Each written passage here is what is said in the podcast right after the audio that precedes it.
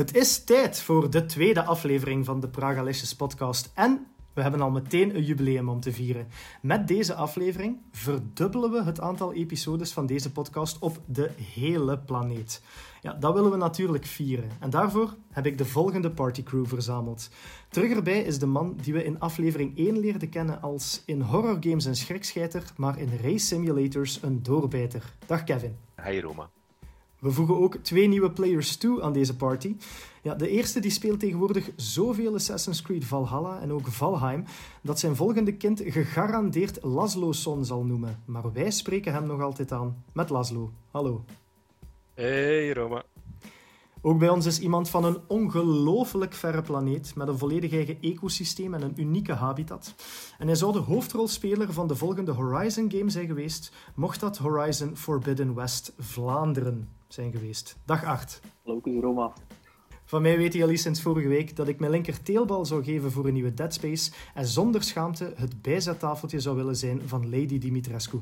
Ja, zo doen we dat hier nu eenmaal. Geen geheimen en geen schaamte. Ik ben jullie host Roma en welkom bij de Praga podcast.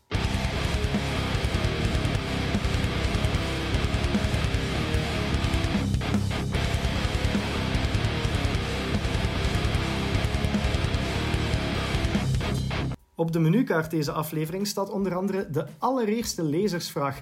Onze community is nu eenmaal zo geweldig. En we hebben het ook over driften. Jammer genoeg niet het leuke driften, zoals in bijvoorbeeld Need for Speed.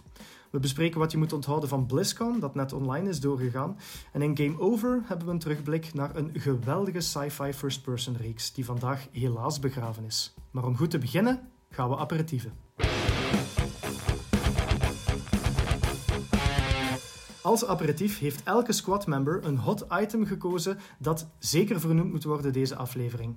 Kevin, waarover wil jij het absoluut hebben? Wel, ik wil het eigenlijk hebben over iets waar Nintendo het eigenlijk niet over gehad heeft. Um, een, uh, een van hun grote iconen, Zelda, is um, ja, deze, allee, vorige week 35 jaar geworden. Um, in 1986 is de eerste Zelda verschenen op de NES. En um, ik vind dat eigenlijk wel een vrij groot uh, ja, event. Maar Nintendo heeft daar weinig over gedaan, dus vond ik dat eigenlijk wel belangrijk om uh, dat toch even te vernoemen.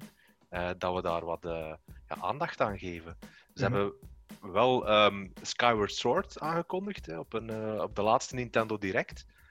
Maar voor de rest is er eigenlijk heel weinig rugbaarheid aan gegeven. Dus ik uh, vond dat eigenlijk wel jammer. Wat, uh, wat hadden ze volgens jou wel of niet moeten doen? Of wat hadden ze kunnen doen om, om Zelda in de spotlight te zetten?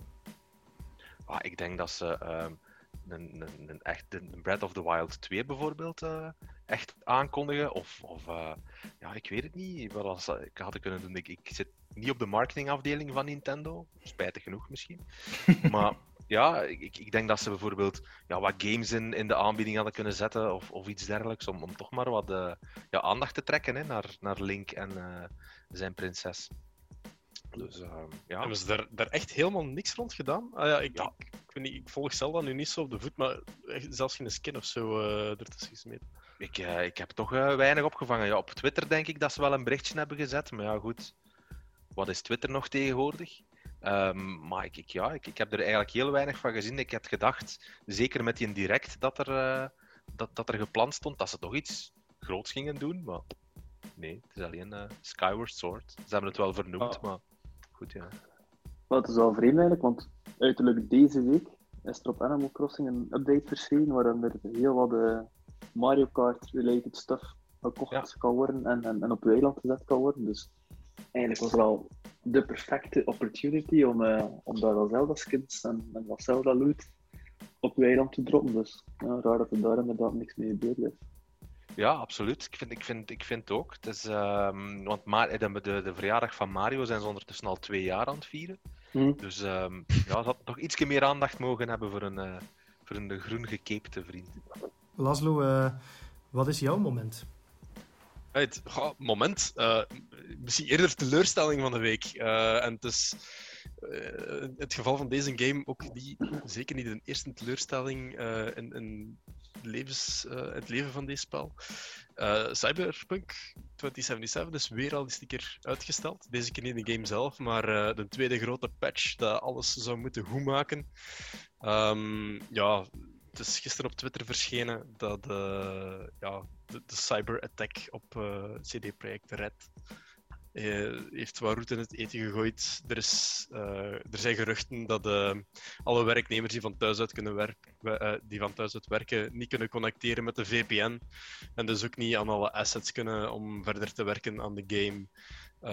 en ja, het resultaat is dat we in plaats van in februari de nieuwste patch pas het tweede deel van maart gaan krijgen.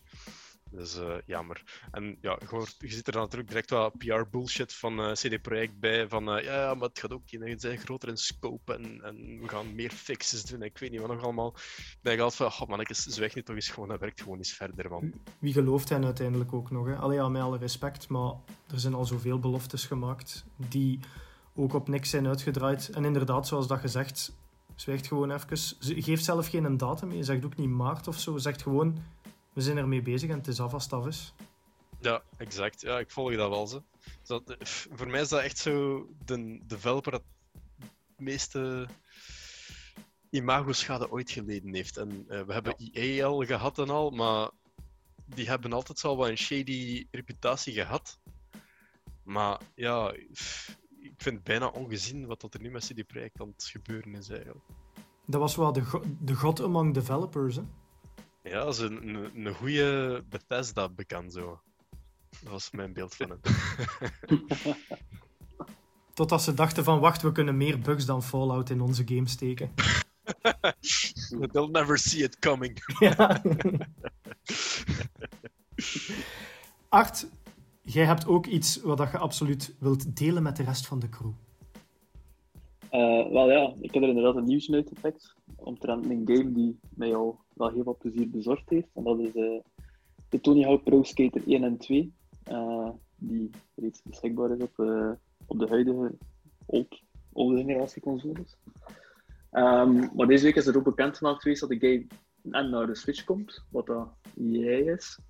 maar dat hij ook naar de next gen komt. Dus ook naar de, Xbox Series X en de PS5. Dat dat de double is ja, ben ik echt zeer content dat die game er komt. Uh, het is wel jammer natuurlijk ook, want naar mijn mening wordt er ook wel de storm met een glas water omtrent gemaakt. Is het feit dat uh, voor de normale editie dat de, een, nou, 10 euro zal worden opgelegd om uh, die versie te upgraden naar de PS5-versie.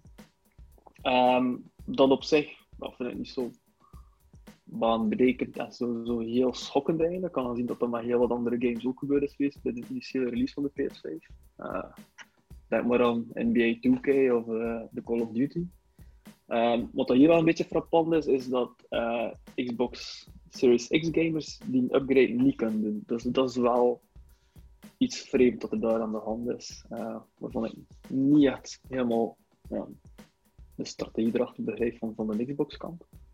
Ja, het is, het is als, ehm, je, als je de digitale versie gekocht hebt, wel. Hè. Het is enkel als je het schijfje hebt, kun, kun je Ja, even goed schijfje, ja, inderdaad. Dus, maar het komt wel dus- uit op Series X ook. Ja. Ja. Dus er is ergens, denk ik, een deal. dus als je de physical copy hebt op de last gen Xbox, dan kun je die niet upgraden, onmogelijk, naar de Series X. Klopt. Wat de hel? Wat dan wel inderdaad iets vreemd is, dus ik weet eigenlijk niet wat er daar, daarachter zit. Um, ja, als je dan toch de next gen kan spelen, kun je van eerste keer wel 120 fps en, uh, en, en, en ja, 40k resolutie bij, wat dan wel ja, top is voor zo'n game, like de pro skaters. Uh, zeker als je komt van een PlayStation 1 game. Ik was al doodgelukkig dat er was op de 4, me er al op mee geamuseerd. Uh, maar ik ga wel echt die, die 10 euro erbovenop leggen en, uh, en ook voor de PS5 kopen. De, de full-blown remastered experience. Ik wil wel even iets duidelijk maken. We hebben alle vier onze eigen gedachten over Tony Hawk. Maar ik hoop gewoon dat er niemand van jullie drie denkt of onder de impressie is dat hij mij zou kunnen verslagen in een trick attack of in een combo attack of zo. Ah, nee, nee, maar ik ben, ik ben daar echt slecht in. maar als we toch aan topscheppen zijn, als we aan topscheppen zijn, dan wil ik wel echt opscheppen nu. Want ik heb naast Ik, ik heb naast Tony Hawk gestaan. Ik heb hem ontmoet Oeh, Oh, op God. de E3. Holy shit. Dus als we er het jaloers. uitpakken zijn, lang geleden toen dat hem nog eh, fris en fruitig was. En ik ook. Maar ehm, ja, nee, dat, eh, ja, dat was eh, ook denk ik voor ja, een Tony Hawk game dat hij daar toen was. stond toen een gigantische ramp. Een halfpipe had de Activision daar neergepoot. En die kwam er Ja. wat tricks doen en eh, ja, we hadden daar een fotomomentje mee. Ja, dat was wel cool. Ja. Halleluja. Ja, ja, Kevin, potverdikken, hè. Ik dacht dat ik wilde was. Te verdoezelen dat ik eigenlijk echt niet goed ben in Tony Hawk's game. Jij stond zo naast Tony Hawk, zo van, hey, I like your games, man. I suck, but I like them. Ja, voilà, zoiets. zoiets. Maar weet je wat, Roma, ik wil die uitdaging wel aangaan als we het op een Game Boy spelen. Want dat is het enige waar ik meer ervaring in heb dan u, denk ik. Met een linkkabel, nee? Met een linktable, ja. Ik ehm, heb zelf ook een nieuwsfeitje dat ik toch even wil delen. En eigenlijk wil ik het delen omdat ik vind dat er ook te weinig over gezegd is. En dat is de aankondiging over de PlayStation VR, de nieuwe VR-headset, die in 2022 komt. Langs één kant vind ik het heel tof om te horen dat die eraan komt en dat ze daarmee bezig zijn. Langs de andere kant vind ik het een beetje schaamtelijk toch dat er nu pas informatie over komt. Omdat we heel lang in het ongewisse zijn gelaten daarover. Ehm, ik heb zelf de VR-headset. Ik heb mij er ook al uren mee geamuseerd. Maar Sony en PlayStation hebben ondertussen wel al een beetje een reputatie opgebouwd van een aantal gadgets en gimmicks die heel even relevant zijn en dan in het niets verdwijnen. Ik had bijvoorbeeld de Six Axis controllers op de PS3 is iets waaraan dat ik terugdenk. Ehm, of, of de PlayStation camera die in het begin eh, in elke game zat en dan na een paar maanden al volledig vergeten werd en een afterthought werd. En ik had echt niet verwacht dat de PSVR in diezelfde categorie zou belanden. Maar de waarheid is dat dat intussen, vind ik, wel al gebeurd is. En door het feit dat je in februari 2021 een bericht lost van tegen volgend jaar willen we wel iets nieuws brengen, bevestigt voor mij toch ook dat dat op het moment zeker niet hun, hun hoofddoel is om dat nog echt super relevant te maken. En het zet ook studio's niet aan, vind ik, om, om bezig te zijn met de toekomst daarvan. Dat is het grootste probleem hè, van de PlayStation VR. Alleen vind ik toch, want ik heb er hier ook een liggen. Ik heb er de eerste weken eh, heel veel mee gespeeld. Maar ja, er is gewoon heel weinig content. Hè. Het is gewoon echt te weinig. En er, er, tijdens de beginperiode was er heel veel horror. Ja, ik pas daar graag voor, voor dat soort games. En ja, dat, voor de rest was er was en is er eigenlijk heel weinig content. En, en dat is een, voor mij het, het grootste probleem en, en ja, het meest obvious probleem van de PlayStation VR. Want op zich is het een goede headset. Ik ben er heel tevreden over. De kwaliteit is oké. Maar ja, als je geen content hebt, ja, dan heb je problemen. Ik, ik heb nooit een VR-headset gekocht. Eén, omdat er te weinig content op is. Maar twee, ik zie mij echt niet in mijn zetel zitten met een VR-headset. Echt niet Nee. eigenlijk. Ik snap het Het wel. voordeel is, als je een VR-bril op hebt, dat je dat ook niet ziet. Allee, je, je ziet je eigen niet zitten. dat, is, dat, dat is een gigantisch Dat is de voordeel, beste ik, console want- voor mensen die zichzelf haten. Je moet je eigen voorzien. Ja, dat is waar. Naar jaarlijkse gewoonte organiseert Blizzard Entertainment, dat we kennen van onder andere World of Warcraft, Diablo en Overwatch, de grootschalige gameconventie BlizzCon. Vorig jaar ging die niet door, helaas, met de coronapandemie als schuldige. Dit jaar kregen we de volledige virtuele versie BlizzConline. Art, jij hebt dat op de voet gevolgd. Wat zijn voor jou de belangrijkste dingen die we van BlizzConline moeten onthouden? Wel, eh, inderdaad, vrijdagavond begon met de, een, general introduction op, op BlizzCon. Door Mr. eh, Alan Brack himself, de man met de prachtige grijze lokken.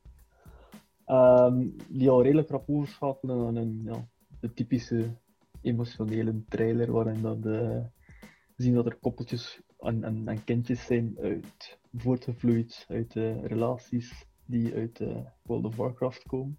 Maar ja, en dan meteen ook daarachter, eh, ja, eigenlijk voor mijn part wel met een domper gestart. En dat was de, de grote aankondiging dat een Blizzard Arcade Collection er kwam. Eh, onder andere The Lost Viking, Rock and Roll Racing en al andere oude klassiekers. Eh, ja, dat was voor mij wel een bummer. eh, Ik dacht dat ze met iets heel groots gingen afkomen, maar ik zat niet echt op, uh, op die collectie van die arcade games te wachten. Best er ook echt wel, het was zo van let's get this out of the way and then we get to the cool shit. Hè. Was, was het niet eerder dat? Ja, dat zou goed, goed kunnen. Ze hadden hem niet moeten achterhouden als uitsmijter of zo. so, uh, one more thing! Ah ja, uh, oké, okay, never mind. ja. Gelukkig, gelukkig hebben ze dat niet gedaan, dat is een feit. Ja. ja, en dan is wat kort, ja, al de aankondigingen uh, wat overlopen die, die of dat weekend op, uh, op punt stond te gebeuren.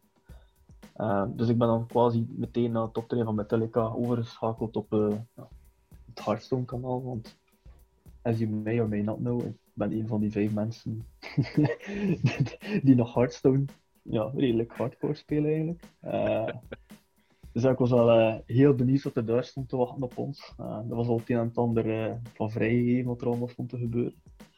Um, dus ja, opnieuw een nieuwe rotatie die gebeurt.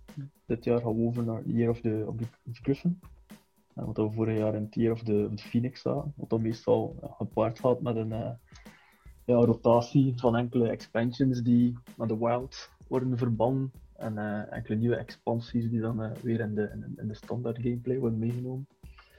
Um, maar dat was wel frappant dit jaar, dat eigenlijk heel die rotatie, dat dat helemaal anders wordt gedaan. Want in tegenstelling tot een rotation van die, van die expansions, wordt eigenlijk de, volledige, de volledige core set eigenlijk overboord gegooid. Dus de, de huidige core set uh, bestaande uit Basic en, en de Classic Hearthstone kaarten. Die worden eigenlijk in de vuilbak gegooid. En er komt een volledige nieuwe dedicated core set van 235 kaarten, waaronder een deel van de oude core set. Uh, al dan niet hernieuwd, maar ook met een hoop nieuwe kaarten de, erbij. 235 stuks in totaal. Maar het beste van allemaal is dat die 235 kaarten deze keer gratis zijn voor iedereen die, die Hearthstone speelt. Ja, cool. Zijn er hier Diablo-spelers die ongelooflijk excited zijn met de aankondiging van Diablo 4? Ja, toch wel, hè.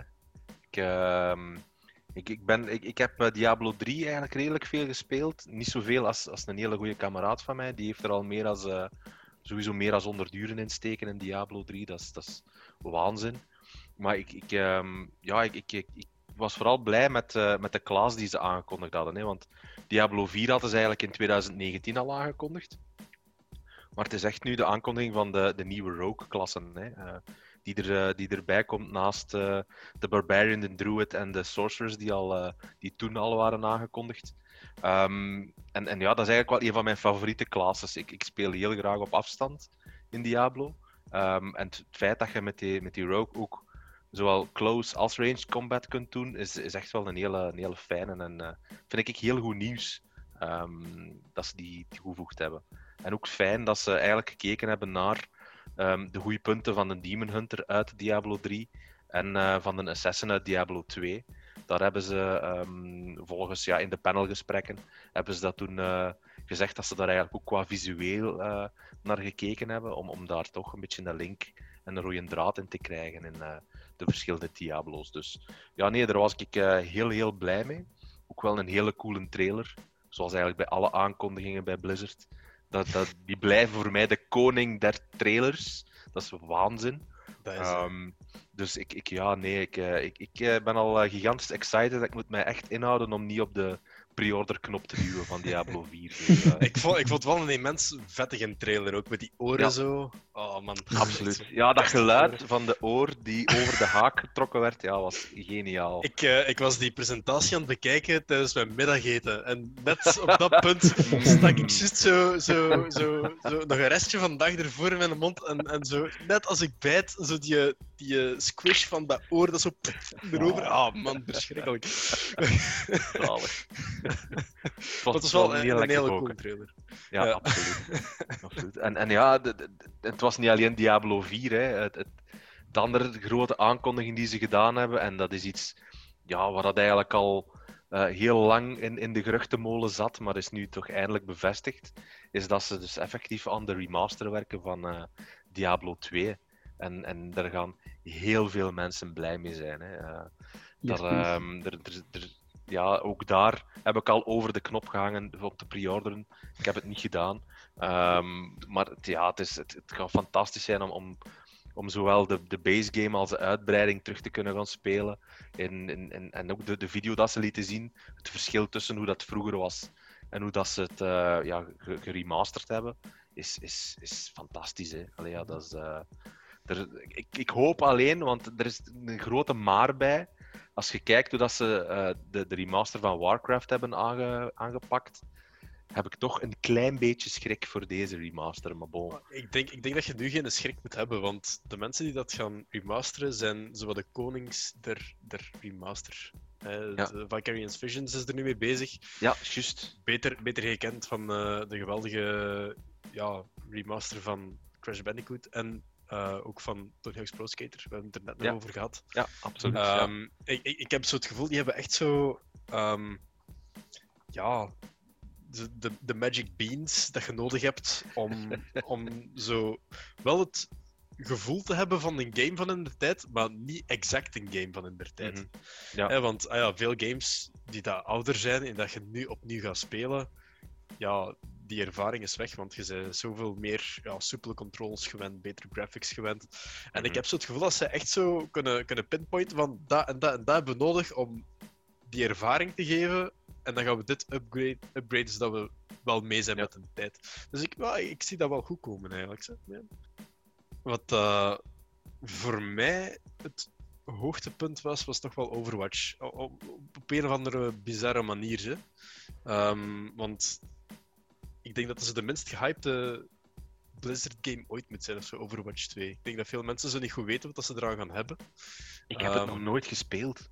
Ik vind het fascinerend, maar ik heb het nog nooit... Nee, ik heb het niet... Nee, echt wel zalig, hè? Ik weet niet 100% van, wat is het nu eigenlijk?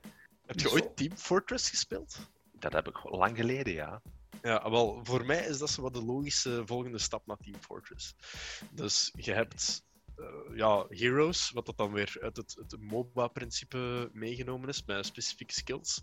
Um, en die zet je in teamcontext. En zo heb je een, een healer, zo heb je een tank, zo heb je een, een, een DPS.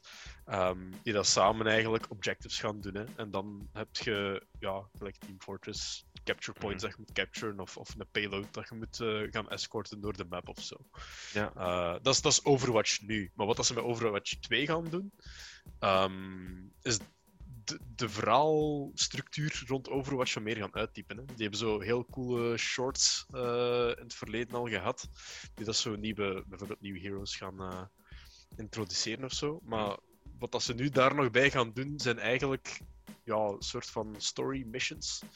Die, uh, die echt wel ja, de, de losse elementen die ooit ja, gewoon leuke heroes waren om mee te spelen echt gaan samenvoegen naar ja, Overwatch, het team dat de wereld redt van de ondergang van, van robots en zo. Het is echt wel veel meer op de lore dat ze nu proberen diep te gaan. Hè? Want het klopt voor een online shooter. Ja, heel veel online shooters geven nu gewoon een cool character. En wat maakt dan nu uit waarom dat die is wie dat hij is? Maar Overwatch en Blizzard gaan met zijn characters echt wel er dieper op in van ja, waarom doen die wat dat die doen. En inderdaad, bij het eerste deel had je al die lore die vrij uitgebreid was. En nu bij het tweede deel met meer dan 100 hero missions en alles, uh, is het echt wel de bedoeling dat je ja, gaat meeleven met je characters. Hè. Ja, daar onderscheid, onderscheid Overwatch hem ook volgens mij tegenover andere van die, van die ideeën of concepten die ooit geprobeerd zijn. Hè. En dan denk ik bijvoorbeeld aan, aan Battleborn. En my opinion was dat ook echt ja, een, een topgame. Nee, het idee erachter was ook even vernieuwd, gelijk op Borderlands in de tijd. Maar dat is ook ja, gigantische fout, ook ergens om, omdat dat één tegelijkertijd ook met Overwatch verscheen en twee ook ja, Blizzard, wat Blizzard met Overwatch gedaan heeft, die community achter die heroes, die community, die, die cosplay community alleen al achter die Overwatch heroes, dat is, dat is insane. Hè? Hoeveel maze, hoeveel. Dat dat dat is crazy en ja, dat doet Blizzard inderdaad supergoed. En volgens mij is dat ook hetgeen wat ze nu in Overwatch 2 verder gaan uitspelen. Hè. Ze die personages, hetgeen wat ze goed in zijn, nog beter doen. Um, en ja, dat wordt volgens mij Overwatch 2 nog, nog meer focus op die personages, op, op het achterliggende, rather dan het, het simpele shooter. Twee weken geleden brachten we de eerste episode van deze podcast uit en we waren aangenaam verrast door jullie reacties. En heel kort willen we dus even al iedereen bedanken die geluisterd heeft, feedback heeft gegeven of gewoon heeft gestuurd dat wij goed bezig zijn. Dat vinden wij enorm tof. We kregen ook enkele lezersvragen binnen en dat vinden we natuurlijk ook enorm interessant. En als jullie zich iets afvragen, één adres, podcast.pragalicious.com. Jullie uh, sturen iets en wij luisteren heel graag.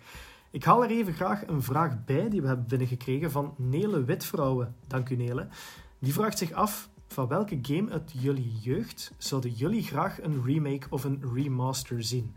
Laszlo, welke game geeft jou een natte droom mocht die vandaag opnieuw gereleased worden? Oef, uh, dat is wel een andere vraag, man. Uh, een natte droom? Nee, uh, nee um, goh, eigenlijk is het een game die ik niet heel actief zelf gespeeld heb, dat ik nu wel geremasterd zou willen zien. Um, een van de allereerste games die ik semi-bewust heb meegemaakt, is eigenlijk Metal Gear Solid. Op de, de eerste PlayStation. Um, dat was een spel dat toen dat uitkwam, was ik nog veel te jong om het te spelen. Laat staan het helemaal te snappen wat er allemaal uh, in aan de gang ging. Uh, het is ook een, een Hideo Kojima game, dus uh, ja, het spel snappen is op zich al een uitdaging. um, maar mijn vader speelde dat toen. En ik weet nog dat hij echt zo een, een guide online had gevonden, zo een, was dat een, een Game FAQ guide, zo, echt zo helemaal uitgedrukt. Uh, in een map gestoken en, en dat had hij die zo naast hem liggen. Dan was hem zo tips aan het zoeken over hoe dat de bepaalde levels kon doorkruisen. Dat en, de uh, tijden zonder internet op de Ja, dat... geweldig, hè? geweldig. Um, maar in ieder geval, ik heb echt heel warme herinneringen aan die game. Gewoon omdat mijn broer en ik dan bij mijn pa ja, aan de zetel zaten en, gewoon mee aan het kijken waren naar hoe dat hij dat spel aan het doorkruisen was. Um, en dat heeft mij denk ik ook wel geïnspireerd om, om uh, zelf meer uh, met games bezig te zijn. En dat is zo'n herinnering dat ik altijd uh, ga blijven hebben. Maar de moment dat ik dan oud genoeg was om zelf te zeggen van ik ga dat spel nu eens testen, ja, dan was het toch al wat gedateerd en dan speelde dat toch niet meer zo vlot als dat ik dacht dat ging spelen. Dus als ze dat uit de oude doos zouden kunnen halen, het is een beetje een ijdele hoop, want ja, Kojima is weg bij En ik denk dat de licentie nog steeds bij Konami zit. Um, maar als ze die uit de oude doos kunnen halen, heel graag, dan uh, koop ik hem meteen. Het is altijd bij mij een beetje een dubbele relatie of, of een haat-liefde verhouding met remakes en remasters. Omdat langs de ene kant, ja, super grote Tony Hawk van hier. Dus die remaster, remake van uh, Pro Skater 1 en 2, ik vind dat subliem. Maar ergens heb ik zoiets van, ik zou gewoon liever Pro Skater 6 hebben. Of een nieuwe Underground of zo. Dus mochten ze bij mij een game moeten remasteren, dan zou dat Tony Hawk's Underground zijn. Dat was voor mij de eerste. Dat zou ik fantastisch vinden, met moderne graphics. Ook omdat dat toch een heel coole storyline had voor mij. Met heel veel pro-skaters die dan ook hun stemmen eraan gaven en dergelijke. Maar langs de andere kant heb ik dan ook zoiets van: zou ik dat heel cool vinden? Ja, maar ik zou nog liever gewoon een volledig nieuwe underground hebben. En dat heb ik bij heel veel dingen. Zou ik een remaster van de originele Dead Space fantastisch vinden? Ja. Zou ik dat onmiddellijk de zotste Collector's Edition van pre-orderen? Ja. Maar geef mij liever Dead Space 4. En ik heb het gevoel dat we vandaag de dag gewoon een beetje te veel in een klimaat zitten waarbij dat de inspiratie bij velen precies even op is. En dan gaan we maar aan het remaken en remasteren. En dat is niet slecht. Maar ik heb toch nog liever original content. Dat, dat is ook weer ja, die nostalgieknop hè, en, en waar iedereen op aan het slagen is op die, op, op die nagel. En ik denk dat dat ooit wel eens gaat, uh, barsten, die bubbel. Ja, en als ik dan, dan mijn uh, remake mag voorstellen, is het eigenlijk iets dat denk ik technisch niet meer mogelijk is. Door ja, de, de soort tv's waar we nu gebruiken. Maar ik zou heel graag terug ergens zo games zien verschijnen met echte fysieke lightguns. Ik vond dat geweldig. De eerste Duck Hunt, ik weet dat nog, dat was het eerst, effectief ook het eerste spel dat ik ooit gespeeld heb op mijn NES toen. Ik vond dat geweldig. En, en dat, daarvan zou ik eigenlijk wel een remake willen zien. Eventueel zelfs op de Switch, want op zich zouden ze technisch wel kunnen met de, met de Joy-Cons. Maar bijvoorbeeld mag ook een, een Time Crisis zijn van op de PlayStation in de tijd. Dat waren fantastische op de, games. Op de PS3 met dat oranje geweer. En dan al die sensoren die je op je tv ligt te plakken. En die vallen er drie keer af en geduikt achter je zetel. En oh, super ja. tijden. Maar ik, ik, ja, zoiets. Allee, dat is echt zo een, een type game dat denk ik door de technologie die veranderd is, dat dat, dat, dat helemaal ja, weg, weggedemsterd is. En daar zou ik eigenlijk wel een revival van willen zien. Art, wat is bij u de titel die dringend uh, heruitgebracht moet worden? Wel, het is op zich een titel en ik weet eigenlijk niet als jullie hem kennen. Uh, cool Borders. Maar ja... Het zou wel zijn, jong. Ja, was... ik heb er iets gemist, denk ik. De voorloper van SSX eigenlijk, hè? Ja. Kind of. Ah, oké. Okay. Ja, cool. Nee, dus, dat ken ik niet. Ik kreeg van de Sint een, een, PlayStation. En ik denk dat de Sint daar gewoon het eerste beste spel kunnen uit trek genomen heeft en erbij gestoken heeft. En in mijn geval was dat Cool Borders. Uh, maar ik heb, dat, ik heb zalige herinneringen aan die game. Uh, die upbeat music die constante shitload aan, aan one-liners die de commentator richting je hoofd, hoofd katapulteerde. Uh, ja, dat was, dat was prachtig. Hè? Dat was ook nog in de tijd voor voorgangers, zoals je zei, van SSX. Dus niet echt uh, realistische snowboard, skate games, maar echt uh, knopjes ram, arcade-style, naar beneden vlam op. Uh, ja, oh, dat was zalig. Ja, maar daar heb ik mij echt ook uh, uren mee geamuseerd hè, met, die, met die coolboards en die SSX. Dat was ook zo de periode dat de, de extreme sport games was hip. Hè. Iedereen bracht dat uit, iedereen speelde dat. Dat was een fantastische tijd. Matt Hoffmans Pro BMX. Mm, nog zo ene. Ook zo ene. Ja, en weet je welke dat ook moet komen? Vind ik nu dat je er eigenlijk over die coolboards begint. Um, en dat is ook iets waar dat eigenlijk de, de community al heel lang achter vraagt is de Wave Racer. Van op um, van Nintendo vroeger. Dat is zo, ja, met, met jetskis racen. Dat was fantastisch. Maar zalig. Dat was er toen voor zijn tijd vrij subliem qua graphics, want die, die, die, die wateranimaties waren uh, een beetje ja, avant la lettre voor die tijd. En dat, was, ja, dat waren fantastische games. Ik herinner me, dat was één favoriete personage, de, de Yagi noemde die gast. En dat was zo een gespierde dude met een metsje, een zonnebril en een paarse t-shirt. En dat was dan uw snowboard-personage. En oh, ik, ik was ver, verlekkerd op die gast, is niet, niet uh, het juiste woord, maar toch, dat was echt mijn, mijn favoriete personage. Dat was... Oh, zalig heeft Art dingen over zichzelf ontdekt. Die opeens binnenkrijgt. Het was voor Art zo wat hotboarders aan het worden.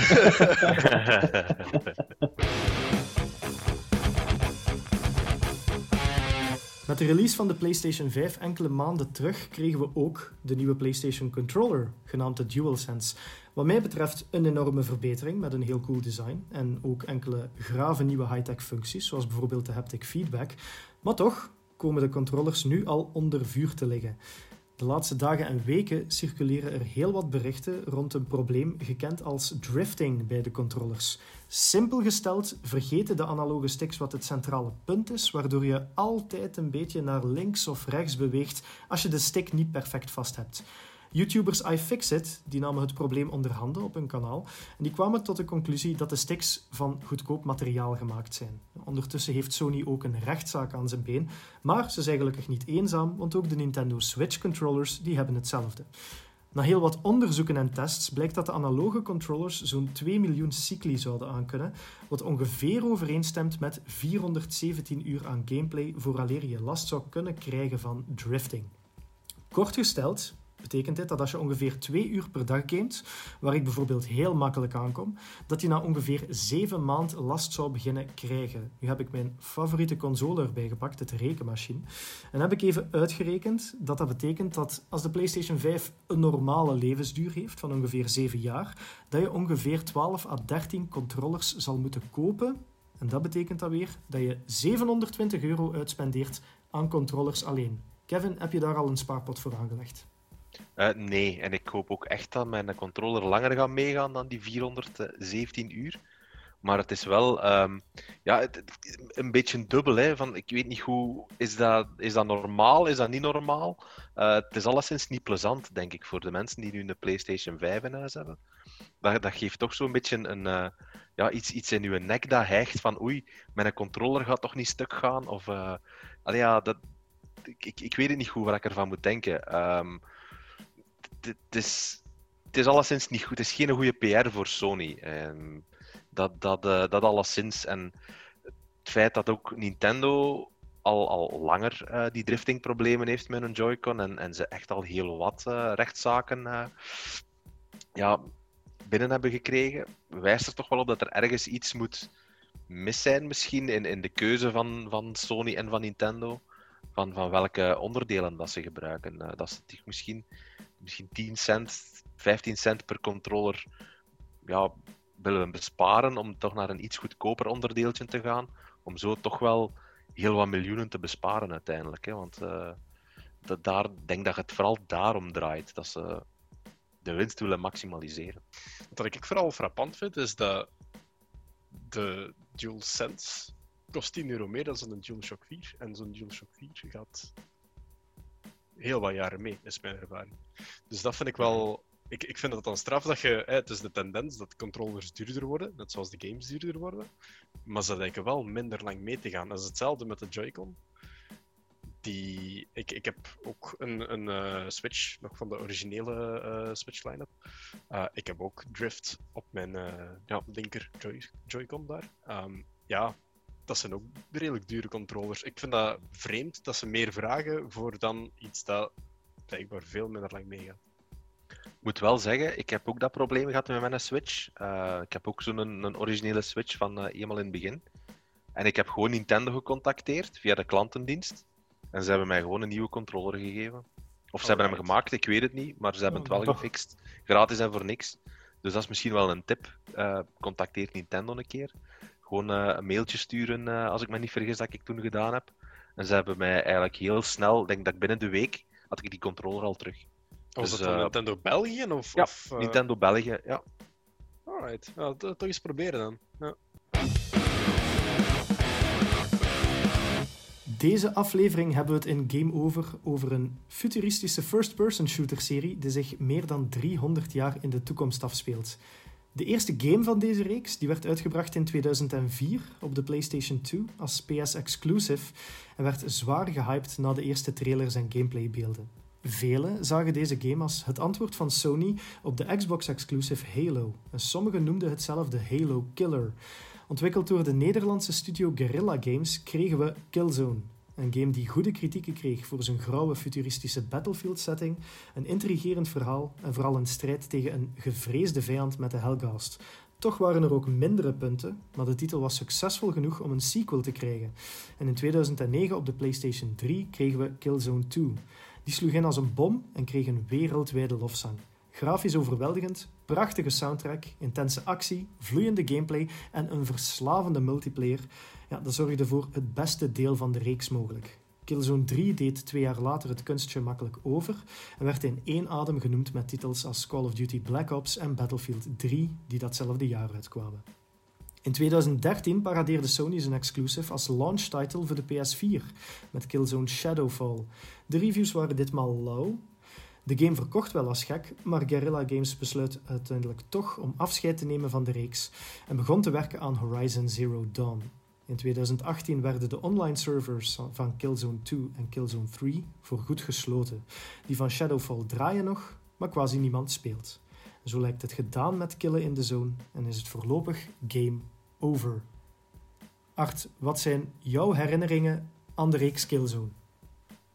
Wel, grappig dat je begint over herinneringen, want ik heb effectief door mijn trophielist scroll om te zien welke Killzones ik effectief gespeeld heb. Want de, die in 2 en 3 liepen zo vloe en over in elkaar dat ik uh, toch eens een double checken heb. En uh, ik heb zowel de Killzone 2, Killzone 3, de Shadowfall gespeeld. Uh, maar er zijn ook nog twee Killzone-titels die niet vermeld werden, en dat was Liberation en, en Mercenary. Ja, de Vita-titels waren dat zeker, hè? Liberation inderdaad was, uh, was de PSP-titel. Uh, ze was gewoon een, een onhandige top-down tactische shooter. Uh, niet zo goed. Maar inderdaad, in de Mercenary was, was een Vita-titel.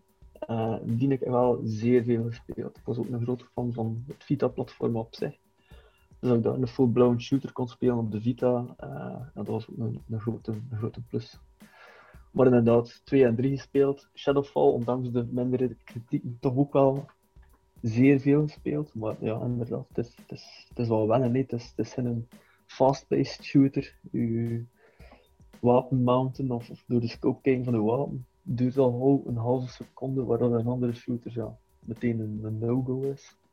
Dus het is, het is wel een eigenwijze shooter, maar ik heb me er al kostelijk mee geamuseerd in de tijd. Voor mij staat Killzone wel wat gelijk aan zo de ervaring dat veel mensen bij, bij Halo hadden. Hè. Ehm, dat was bij mij, als wij een familiefeest hadden, mijn neef, mijn broer en ik, wij zonderden ons af ehm, om ja, ergens in een hoekje Killzone multiplayer tegen elkaar te gaan spelen. En uh, dat was dan nog de, de PS2 Killzone. Um, en dat, is, dat zijn voor mij echt de, beste herinneringen dat ik aan de reeks heb. Um, maar sowieso, ik vind eigenlijk iedere Killzone die dat ik gespeeld heb, en dat zijn ze allemaal behalve dan uh, Mercenary, omdat ik geen PSP had. Ik, ik heb die altijd goed gevonden. Um, zelfs Shadowfall, ik begreep daar niet zo heel hard de kritieken op. Um, want voor mij was dat een logisch vervolg op de reeks die ik op de, de PS2 en de uh, PS3 gespeeld heb. Maar um, ja, ik, ik ben eigenlijk sowieso een fan. Maar ja, het is ook zo wat Nazis in space. I mean, what could go wrong? Ik herinner mij Killzone 2, Killzone 3, die multiplayer heb ik met heel veel plezier gespeeld. En ik vond dat fantastisch in Killzone 3 dat je een bepaalde perk had dat je het kostuum van de vijand kon aannemen en zo tijdelijk kon infiltreren in hun kamp om dan, zonder dat iemand het besefte, ineens die zijn keel over te snijden, even te zeggen, sorry mod, en dan verder te kunnen gaan.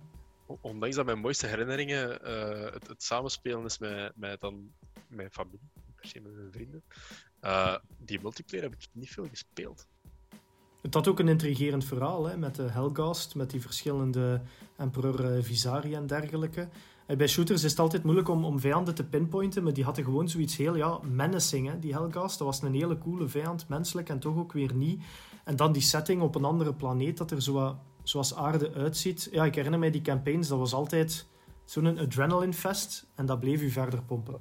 Ja. Mm. Dat is echt mijn beeld van Killzone is zo een mistige, ja, zo een soort van loopgravenoorlog. En dan ze die, die oranje gloed van die ogen dat je zo in de verte al ziet, dat je weet van, oh shit, ze zijn er. En, dan... en die audio van die gasmasks, hè, zo die zo wat, een leger van Darth Vaders dat op je afkomt. Ja, inderdaad. En die kan dan ook zo tegen elkaar denken van, oh, moving out, bro. Dat is zo heel, heel, dat was zo, ja, je zat echt in die wereld. Uh, ik vond dat echt van de max, ja. Hier bij Pragalicious proberen we te voorkomen dat jullie een nieuw gerecht of een appetijtelijk tussendoortje zouden missen. En daarom hebben we de suggesties van het huis. Ieder van ons heeft een gouden tip die we graag met jullie delen. Kevin, wat is jouw tip? Mijn tip is um, als niet-horror-fan, uh, misschien wel een rare, maar uh, Little Nightmares 2.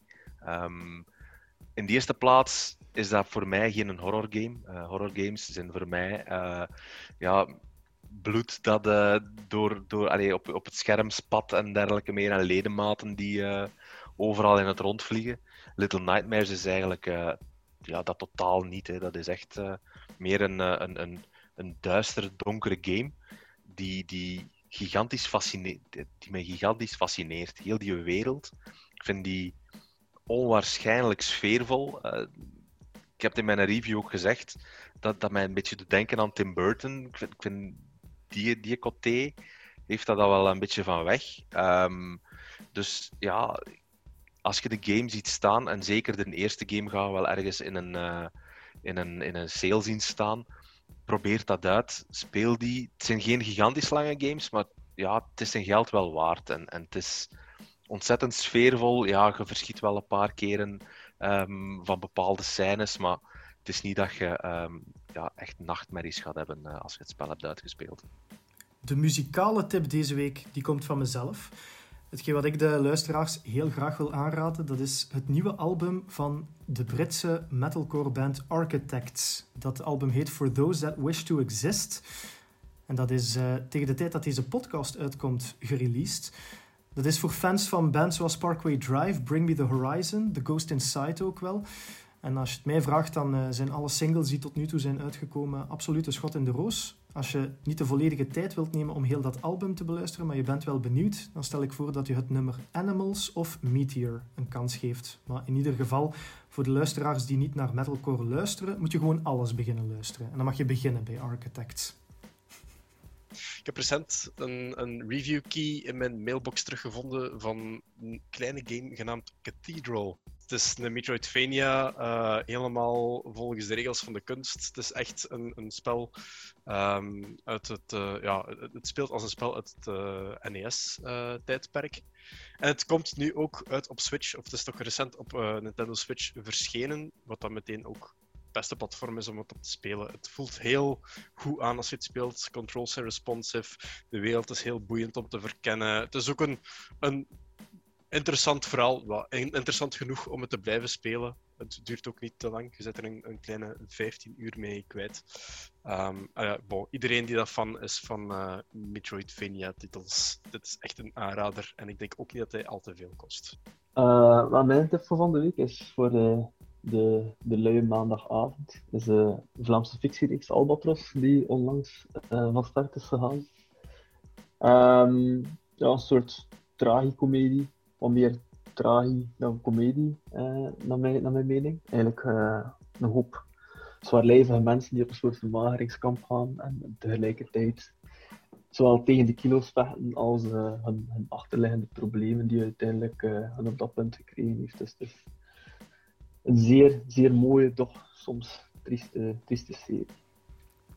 En met die suggestie zitten we aan het einde van de tweede episode van de Pragalicious podcast. Ik wil onze groeiende community bedanken om te luisteren, want als jullie niet luisteren, dan kunnen wij niet lullen. Al jullie feedback, opmerkingen, liefdesbrieven of vragen aan ons, die lezen we heel graag via podcast.pragalicious.com. Dan ga ik mijn crew bedanken om mee te doen en dan zie ik jullie allemaal heel graag terug bij de volgende episode. Game on!